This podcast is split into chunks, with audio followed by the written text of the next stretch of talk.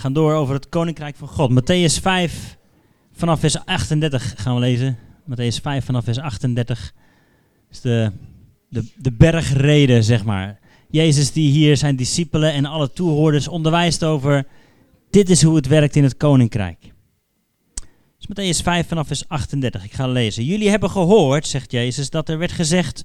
oog voor een oog en een tand voor een tand. Maar ik zeg jullie, je niet te verzetten tegen wie kwaad doet, maar wie je op de rechterwang slaat, ook de linkerwang toe te keren. Eh, En als iemand je een proces wil voeren, tegen je wil voeren en je onderkleed van je wil afnemen, geef hem ook je bovenkleed. En als iemand je dwingt één mijl met hem mee te gaan, loop er dan twee met hem op. Geef aan wie iets van je vraagt en keer je niet af van wie geld van je wil lenen. Jullie hebben gehoord dat er werd gezegd: je moet je naaste lief hebben en je vijand haten. Maar ik zeg jullie: heb je vijanden lief en bid voor wie jullie vervolgen.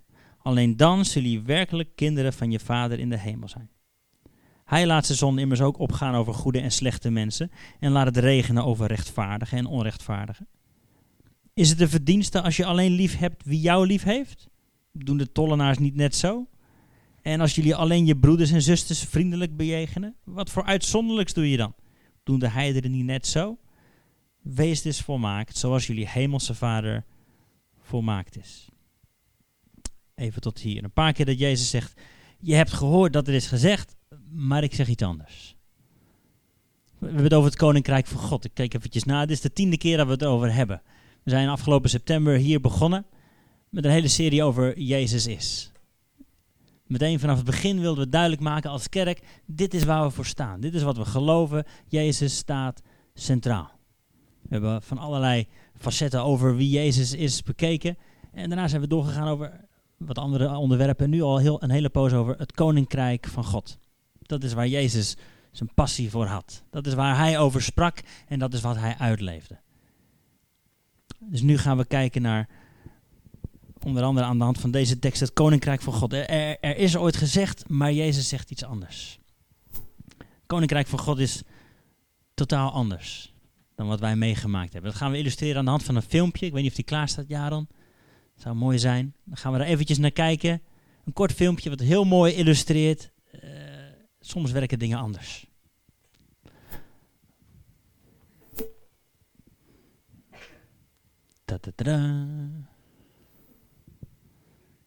Komt-ie. Hey, it's me, Destin. Welcome back to Smarter Every Day. You've heard Even zien. Hey, it's me, Destin. Yes. Welcome back to Smarter Every Day. You've heard people say it's just like riding a bike, meaning it's really easy and you can't forget how to do it, right? But I did something. I did something that damaged my mind. It happened on the streets of Amsterdam, and, and I got really scared, honestly. I, I can't ride a bike like you can anymore. Before I show you the video of what happened, I, I need to tell you the backstory. Like many six year olds with a MacGyver mullet, I learned how to ride a bike when I was really young. I had learned a life skill and I was really proud of it. Everything changed though when my friend Barney called me 25 years later. Where I work, the welders are geniuses and they like to play jokes on the engineers. He had a challenge for me. He had built a special bicycle and he wanted me to try to ride it. He had only changed one thing. When you turn the handlebar to the left, the wheel goes to the right. When you turn it to the right, the wheel goes to the left. I thought this would be easy, so I hopped on the bike ready to demonstrate how quickly I could conquer this. And here he is, ladies and gentlemen, Mr. Destin Sandlin. First attempt riding the bicycle. So the faster I go, the better. Yeah, yeah. I couldn't do it. You can see that I'm laughing, but I'm actually really frustrated. In this moment, I had a really deep revelation. My thinking was in a rut. This bike revealed a very deep truth to me. I had the knowledge of how to operate the bike, but I did not have the understanding. Therefore, knowledge is not understanding. Look, I know what you're probably thinking. Destin's probably just an uncoordinated engineer and can't do it. But that's not the case at all. The algorithm that's associated with riding a bike in your brain is just that complicated. Think about it downwards force on the pedals, leaning your whole body, pulling and pushing the handlebars, gyroscopic precession in the wheels. Every single force is part of this algorithm. And if you change any one part, it affects the entire control system. I do not make definitive statements that often, but I'm telling you right now, you cannot ride this bicycle. You might think you can, but you can't. I know this because I'm often asked to speak at universities and conferences, and I take the bike with me. It's always the same. People think they're going to try some trick or they're just going to power through it. It doesn't work. Your brain cannot handle this. For instance, this guy. I offered him $200 just to ride this bike 10 feet across the stage. Everybody thought he could do it. No, you didn't understand. You didn't understand. So, this way. Now, okay, all right, second. All right, so, uh, whenever you're ready. Yeah. Quick, quick. No, no, you have to keep your feet on. Dude, all right, here we go. Just give me Wait, wait, wait. Like, you gotta start rolling at least. Okay, go. And go. Oh, go! All right, back up. Okay, go. Keep your feet on the pedal. Go. Go right on.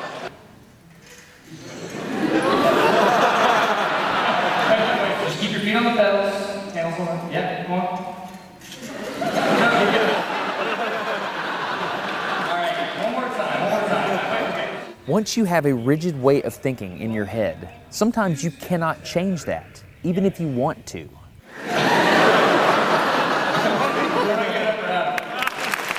So here's what I did. It was a personal challenge. I stayed out here in this driveway and I practiced about five minutes every day. My neighbors made fun of me. I had many wrecks, but after eight months, this happened.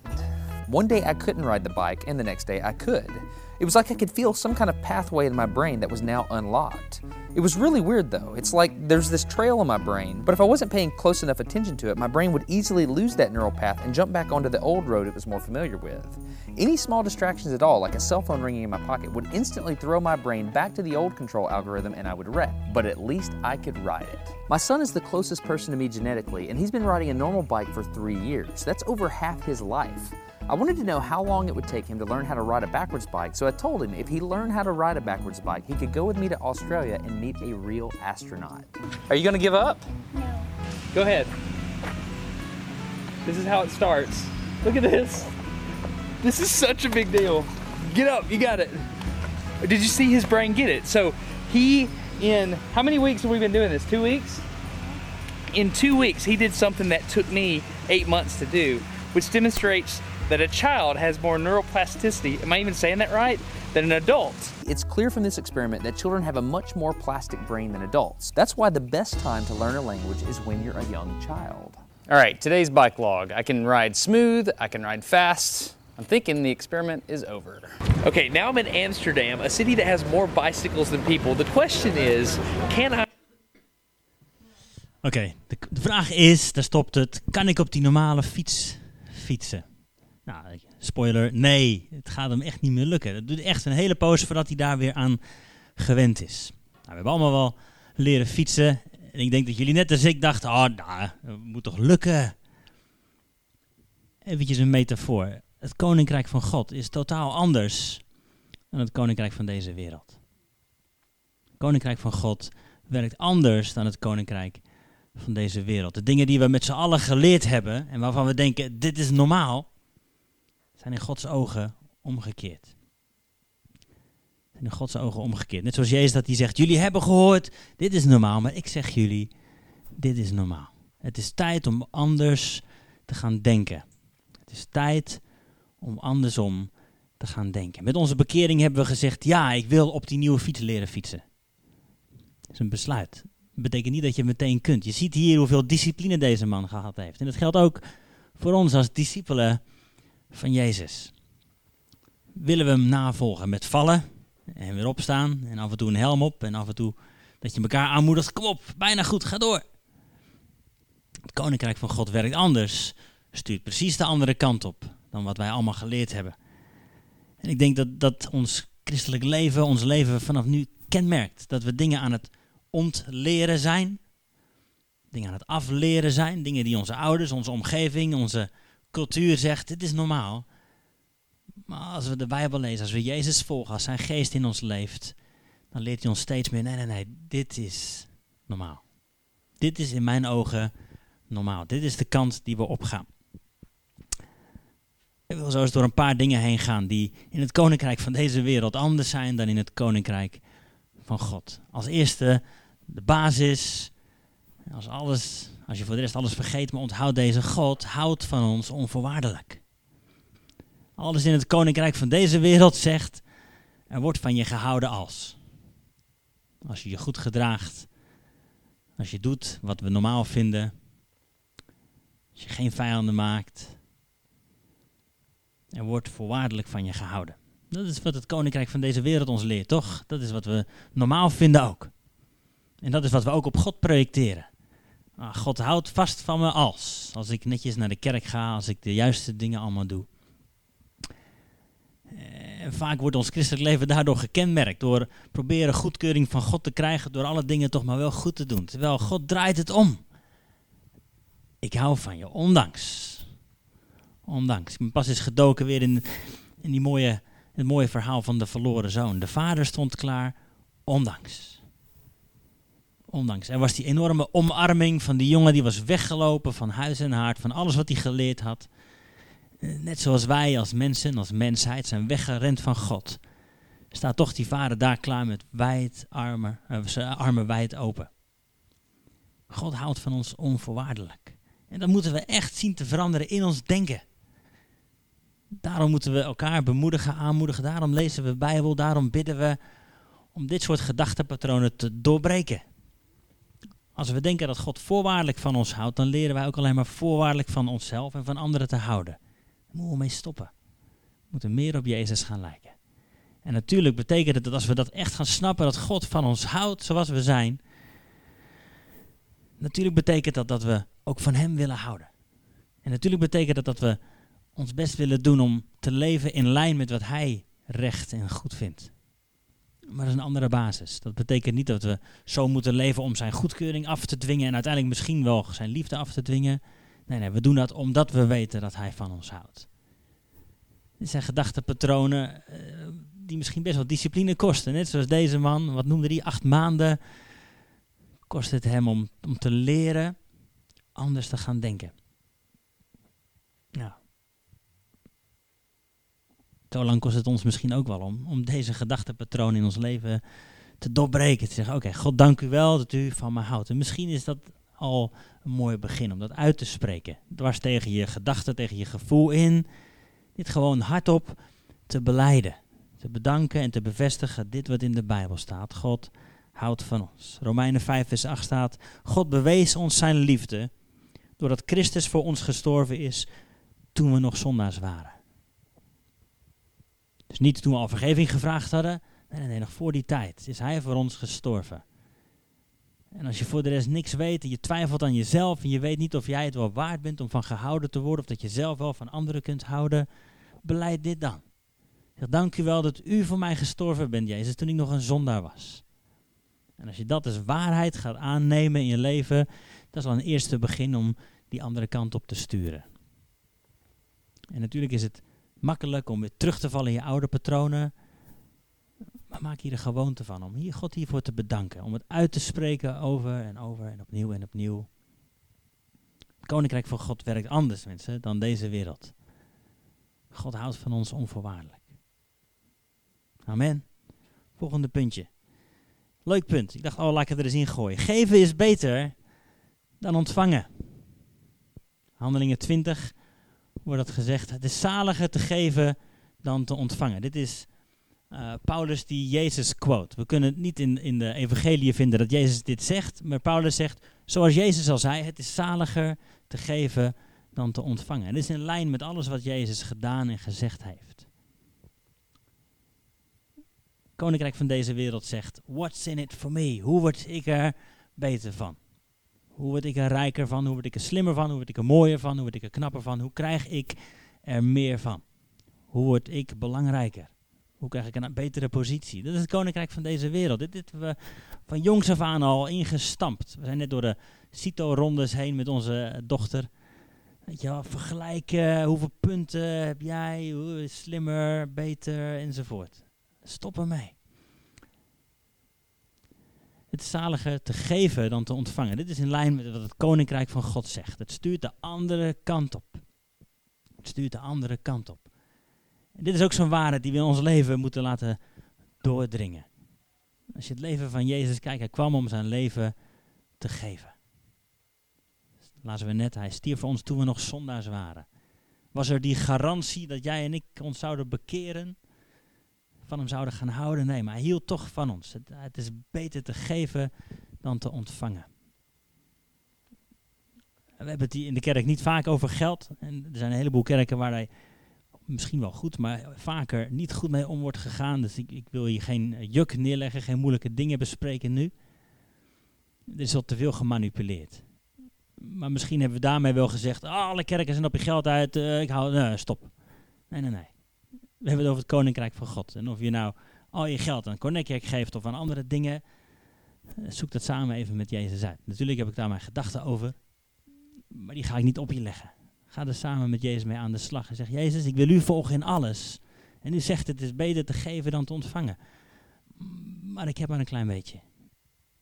Net zoals die weduwe, misschien kennen dat verhaal wel. Die maar twee kleine muntjes had en in de gooide. Terwijl andere mensen honderden muntjes hadden en daar makkelijk afstand van konden nemen. Gaat het om de hoeveelheid? Nee, nee. Het gaat wel om je hart. God heeft de blijmoedig gegeven lief. Kun je geven met een glimlach op je gezicht. Het koninkrijk van God werkt anders dan het koninkrijk van deze wereld. Kunnen we dit gedachtepatroon proberen te doorbreken? Kunnen we leven, kunnen we om ons heen kijken en zeggen, wat kan ik vandaag geven? Al is het een glimlach. Of gaan we alleen zitten mokken en zeggen, ah, niemand heeft naar mij geglimlach vandaag. Nee, hallo. Kom, het is jouw beurt om te geven. God is jouw bron. God is je oneindige bron. Er is meer dan genoeg om uit te putten. Om weg te kunnen geven. Al is het maar die paar broodjes en die paar vissen al voor die hele menigte. God weet, wat jij hebt is nooit genoeg. Ik wil het lachen om dat verhaal van die vijf broden en twee vissen. Dat Jezus tegen de, zijn discipelen zegt, een beetje met een glimlach, denk je van, nou, geven jullie ze maar te eten. Succes, dat gaat je niet lukken. Want je kijkt naar je eigen resources, naar dat wat je zelf in je hand hebt. Je denkt, oh, dat is nooit genoeg. Maar dat wat je hebt kan vermenigvuldigd worden als je het samen met God doet. Laten we elkaar uit, uitdagen, uitnodigen, aanvuren. Het is beter te geven dan te ontvangen. Beter te geven dan te ontvangen. Een paar andere onderwerpen die in het Koninkrijk van God totaal anders werken. Zwak of sterk. Alles in ons automatisch, wat die man ook net zei, als je eventjes afgeleid wordt, val je terug in je oude patronen. Ook jij en ik als christenen vallen we terug in onze oude wereldse patronen. Sterk is beter. We moeten sterk zijn. Zeker als je man bent. Niet huilen, hou je sterk. Je moet het zelf kunnen dragen. Gods koninkrijk werkt andersom. Zegt dat Gods, Gods kracht wordt ten volle geopenbaard in onze zwakte. Als wij het zelf niet meer kunnen, is Hij daar om ons te vullen met Zijn kracht. En natuurlijk maakt Hij ons dan sterk. Maar opnieuw, Hij is onze bron. We hoeven dat niet zelf allemaal te moeten en te kunnen. Ook zo'n gedachtepatroon, ook zo'n dogma, zeg maar. In, in dit koninkrijk van deze wereld zwak. Ah, wordt steeds meer aangevallen. Dat zien we ook in, in de verzekeringen bijvoorbeeld. Er zat pas een documentaire te kijken over een Amerikaanse vrouw. Zijn, zijn verzekeringsmaatschappijen die zeggen, nou weet je wat, we gaan je chemo niet vergoeden, maar deze zelfmoordpil wel. Wauw. Dat is heftig. Zwak wordt niet gewaardeerd in onze maatschappij. Ik weet niet hoe lang het nog duurt voordat het in Nederland zo is, maar kunnen we als christenen zeggen totaal omdraaien en het zwakke omarmen, het zwakke toejuichen, omdat we weten in onze zwakte wordt zijn kracht geopenbaard.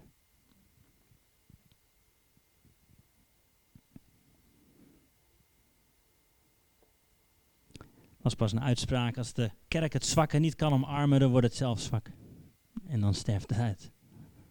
Als we daar niet naar om kunnen kijken, als we alleen maar ook op zoek zijn naar het toffe, het mooie, het grote, het flitsende, ja, dan wordt uitgehold. Zwak of sterk. Volgende dingetje, dienen of heersen. Ook zoiets. Koninkrijk van God werkt totaal anders. Jezus zegt dat. Laat de leider onder jullie, laat die dienen. Ik ben gekomen niet om te heersen, ik ben gekomen om te dienen. Niet om mijn voeten te laten wassen, zegt Jezus. Ik ben gekomen om jullie voeten te wassen. Hoe doen we dat onder elkaar? Hoe doen we dat op ons werk als we daar een positie hebben? Zijn we daar ook aan het dienen? Of hebben we daar wel onze positie? Hebben we daar wel onze functie, onze titel? Of staan we bekend als iemand die, die wil helpen? Hoe, hoe kan ik jou helpen vandaag? Hoe kan ik jou een glimlach op je gezicht geven? Hoe kan ik jou je wat beter laten voelen? Hoe kan ik Jezus voor jou zijn? Hoe kan ik je dienen? Of willen we heersen? Net als deze wereld wil heersen. Koninkrijk van God stuurt precies de andere kant op. Laten we er heel bewust van wezen. Als we voor die keuze staan, kom ik om hier te heersen of kom ik om hier te dienen? Ander voorbeeldje, klein of groot? Klein of groot? Een heleboel mensen zoeken het grote, zoeken dat wat zichtbaar is. Uh, twee van de mooiste voorbeelden vind ik uit de Bijbel is de geboorte van Mozes en de geboorte van Jezus. Het volk riep uit om een verlosser, om een Messias, om iemand die ze zou redden naar een sterke man. En God antwoordt met de geboorte van een kind. Eh, hoe zit het met onze gebeden? God, ik zoek, ik heb u nodig, ik heb dit nodig, deze grote nou, voorziening. Misschien is het wel werk, misschien is het wel geld, misschien is het iets totaal anders. Maar weet dat God vaak antwoordt in iets kleins. Wij zoeken naar iets groots, God antwoordt met iets kleins. Geboorte van Mozes, geboorte van Jezus. Uh, bijzonder, bijzondere parallel daarin is ook dat de heersers van die tijd wisten, dit kleine wat nu geboren is, moet vermoord worden. Dat zie je in beide verhalen terugkomen. Dat, dat kleine werd aangevallen, dat de kinderen van die tijd onder de twee jaar werden vermoord. Dat gebeurde bij Mozes, dat gebeurde bij Jezus. De duivel weet heel goed dat de kracht van God begint met iets kleins. Onderkennen we dat zelf ook en zijn we daar trouw in? Kijken we daar nou om? Het koninkrijk van God werkt andersom, mensen. Als je zoekt naar iets groots, let dan op iets kleins. Als je iets groots verwacht van God, komt er misschien één gesprek of één gedachte of één kans of een kleine gebeurtenis die je totaal op zijn kop kan zetten. Een gesprek zo aan een keukentafel, wat je bij Marcel en Zonne hoorde. Gewoon een, ontmoeting. Nee, misschien is dit Gods manier van antwoorden. We zouden ook kunnen verwachten, oh, dan liggen er een keer een paar tickets op onze keukentafel en we weten waar we naartoe moeten. Nee, nee. God werkt vaak door kleine dingen heen. Het koninkrijk van God werkt anders. Laatste, dwaas of wijs? Dwaas of wijs?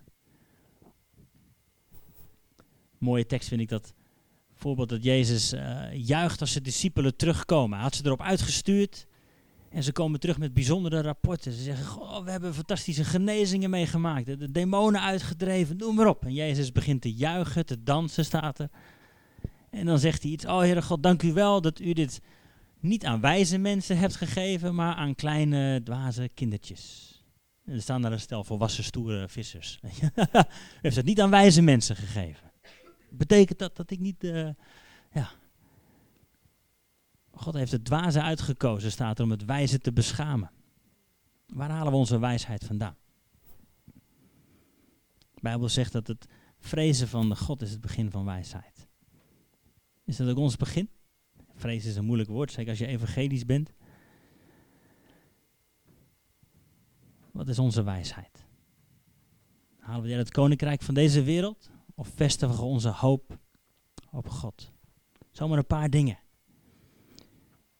er zijn nog talloze andere voorbeelden die laten zien dat het koninkrijk van God anders is dan het koninkrijk van deze wereld. En dat we als christenen, als discipelen, deze discipline moeten aanleren. Door anders te gaan denken, anders te gaan spreken over onszelf, over situaties, over anderen. Om daarmee de discipline van het koninkrijk van God te gaan leren. Te stoppen, te af te leren met wat we geleerd hebben. Misschien al generaties lang. Hoeveel gezinnen zijn er wel niet waarin werd gezegd, ah ja, wij, wij kunnen niet uh, zingen. Uh, Zo'n juk wat wordt dan op je gelegd. Ah, onze familie heeft altijd al problemen gehad met geld. Van die woorden die zo over je uitgesproken worden. Stop met huilen. Jongens mogen niet huilen. Uh, en talloze van zulke voorbeelden waarmee we moeten breken. Waarmee we mogen breken. Want uiteindelijk is het leven in het Koninkrijk van God een leven in vrijheid en in overvloed. Dat is wat Jezus ons belooft. Dat is wat hij voor ons voor ogen heeft als zijn kinderen. Niet langer slaven, maar vrije mensen. Dat is wat hij voor ogen heeft. Eh, Dat is de uitnodiging, maar ook de uitdaging aan ons. Wat gaan we omarmen? Eh, Soms is dingen loslaten moeilijk. Het doet pijn omdat het helemaal met je vergroeid is, misschien wel. Sommige dingen moeten afgesneden worden. En soms gaat het heel snel, weet je net zoals met een pleister die er snel vanaf trekt. Maar soms kost het ook wel tijd en discipline en geduld. God heeft de tijd. God staat klaar. God wil graag met je meewerken om zijn koninkrijk in jou vorm te geven. Zijn gedachten over jou in jou te planten. Zullen we meewerken? Zullen we gaan denken, praten, handelen zoals het koninkrijk van God het voor ogen heeft. En dat betekent een heleboel dingen afleren, een heleboel dingen aanleren. Maar daardoor is de vrijheid. God houdt van ons onvoorwaardelijk. Stop met denken, stop met zeggen over jezelf of over anderen. Ik ben alleen goed genoeg als. Stop ermee. Begin Gods waarheid uit te spreken. Het is beter te geven dan te ontvangen. Als je dingen in jezelf herkent, ja, eigenlijk ben ik wel erg gericht op heb ik wel genoeg. Weet dan dat Gods hart is om je te helpen een betere gever te worden. Je bent uiteindelijk een rentmeester. Als je goed omgaat met wat je nu hebt, met het kleine beetje, dan kan God het vermenigvuldigen. Als je er nu niet goed mee omgaat, kan God het niet vermenigvuldigen. Zwak of sterk, wat nemen we mee in onze gedachten? Willen we dienen of willen we heersen? Willen we klein of groot zijn? Wa- dwaas of wijs? Aan ons de uitdaging als discipelen van Jezus.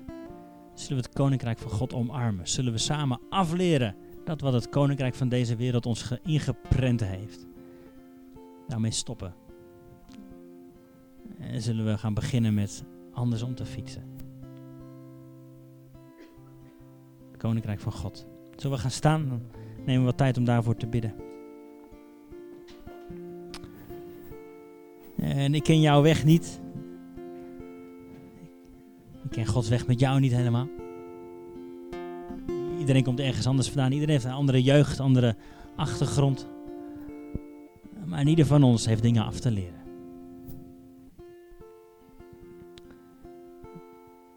Zullen we onze handen eenvoudig openen en zeggen, Heere God, hier zijn we, we zijn uw kinderen. En we willen leven in die vrijheid. We willen leven in het koninkrijk van God. Meer en meer. We willen dingen afleren, Heer. Als het niet bij ons hoort. Als het niet bij u hoort. We willen uw waarheden gaan omarmen.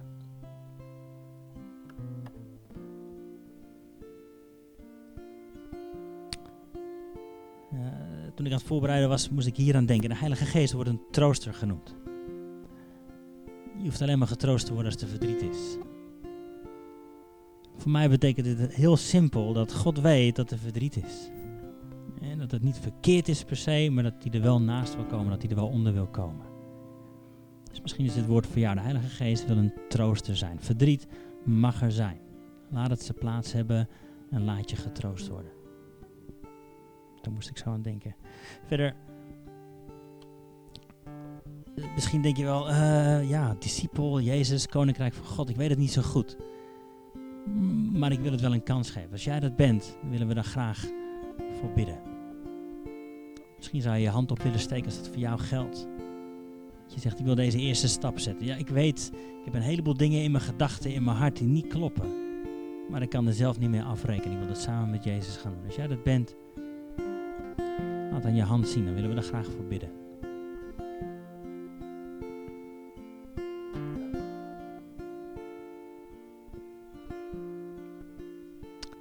God, dank u wel dat we zo bij u mogen komen als uw kinderen. Heer, u houdt van ons. U omarmt ons. U lacht over ons. U zorgt voor ons. Eh,